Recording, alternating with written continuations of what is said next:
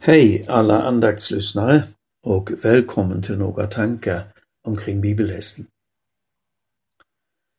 I Matteus evangeliets fjärde kapitel berättas att Jesus fastade i 40 dagar och nätter och blev till slut hungrig. Då kom djävulen fram och sökte förföra honom till att gå den lätta, enkla vägen. Du kan väl snabbt fixa något bröd av stenarna här? Men Jesus står emot med orden från femte Mosebok. Det står skrivet, människan lever inte bara av bröd, utan av varje ord som utgår från Guds mun. Lättköpta och snabba lösningar är karaktäristiska för vår tid och tilltalar oss gärna. Men i det långa loppet visar sig ofta att det ändå inte håller måttet. Häromdagen fick jag ett litet bokmärke i mina händer. Många sådana har jag haft under åren.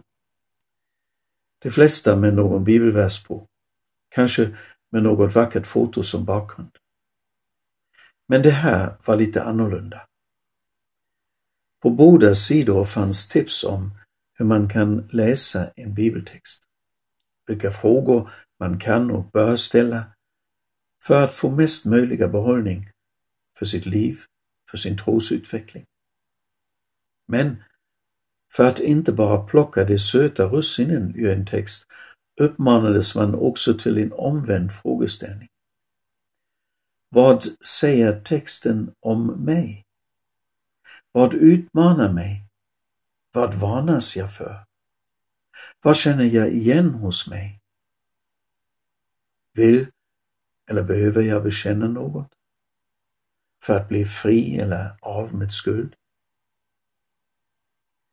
Ibland är Jesus ganska kärv.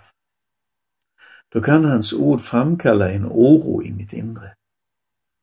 Det han säger avslöjar mig i sådant jag helst inte vill prata om. Då gäller det att stanna upp, att inte skynda vidare utan att istället låta orden verka i mitt inre. Det är en process som kan liknas vid ett läkemedel.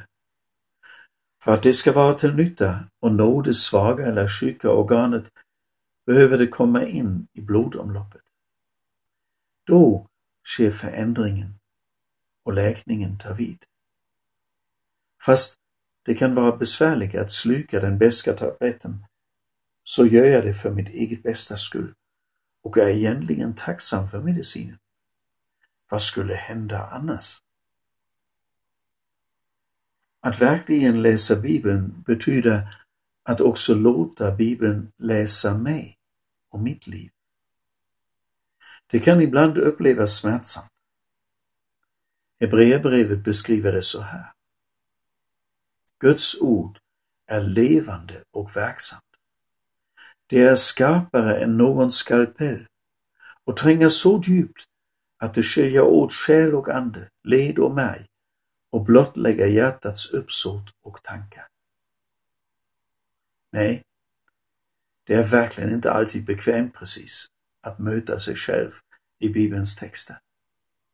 Men ändå så kolossalt hälsosamt i ordets rätta betydelse.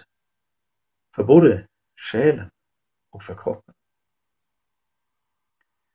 Den förra detta ateisten Christian Lennartsson sa efter några års vandring med Bibeln som daglig bröd. Bibeln andas, jag förvandlas. Ja, med det önskar jag dig goda tankar kring detta ämne.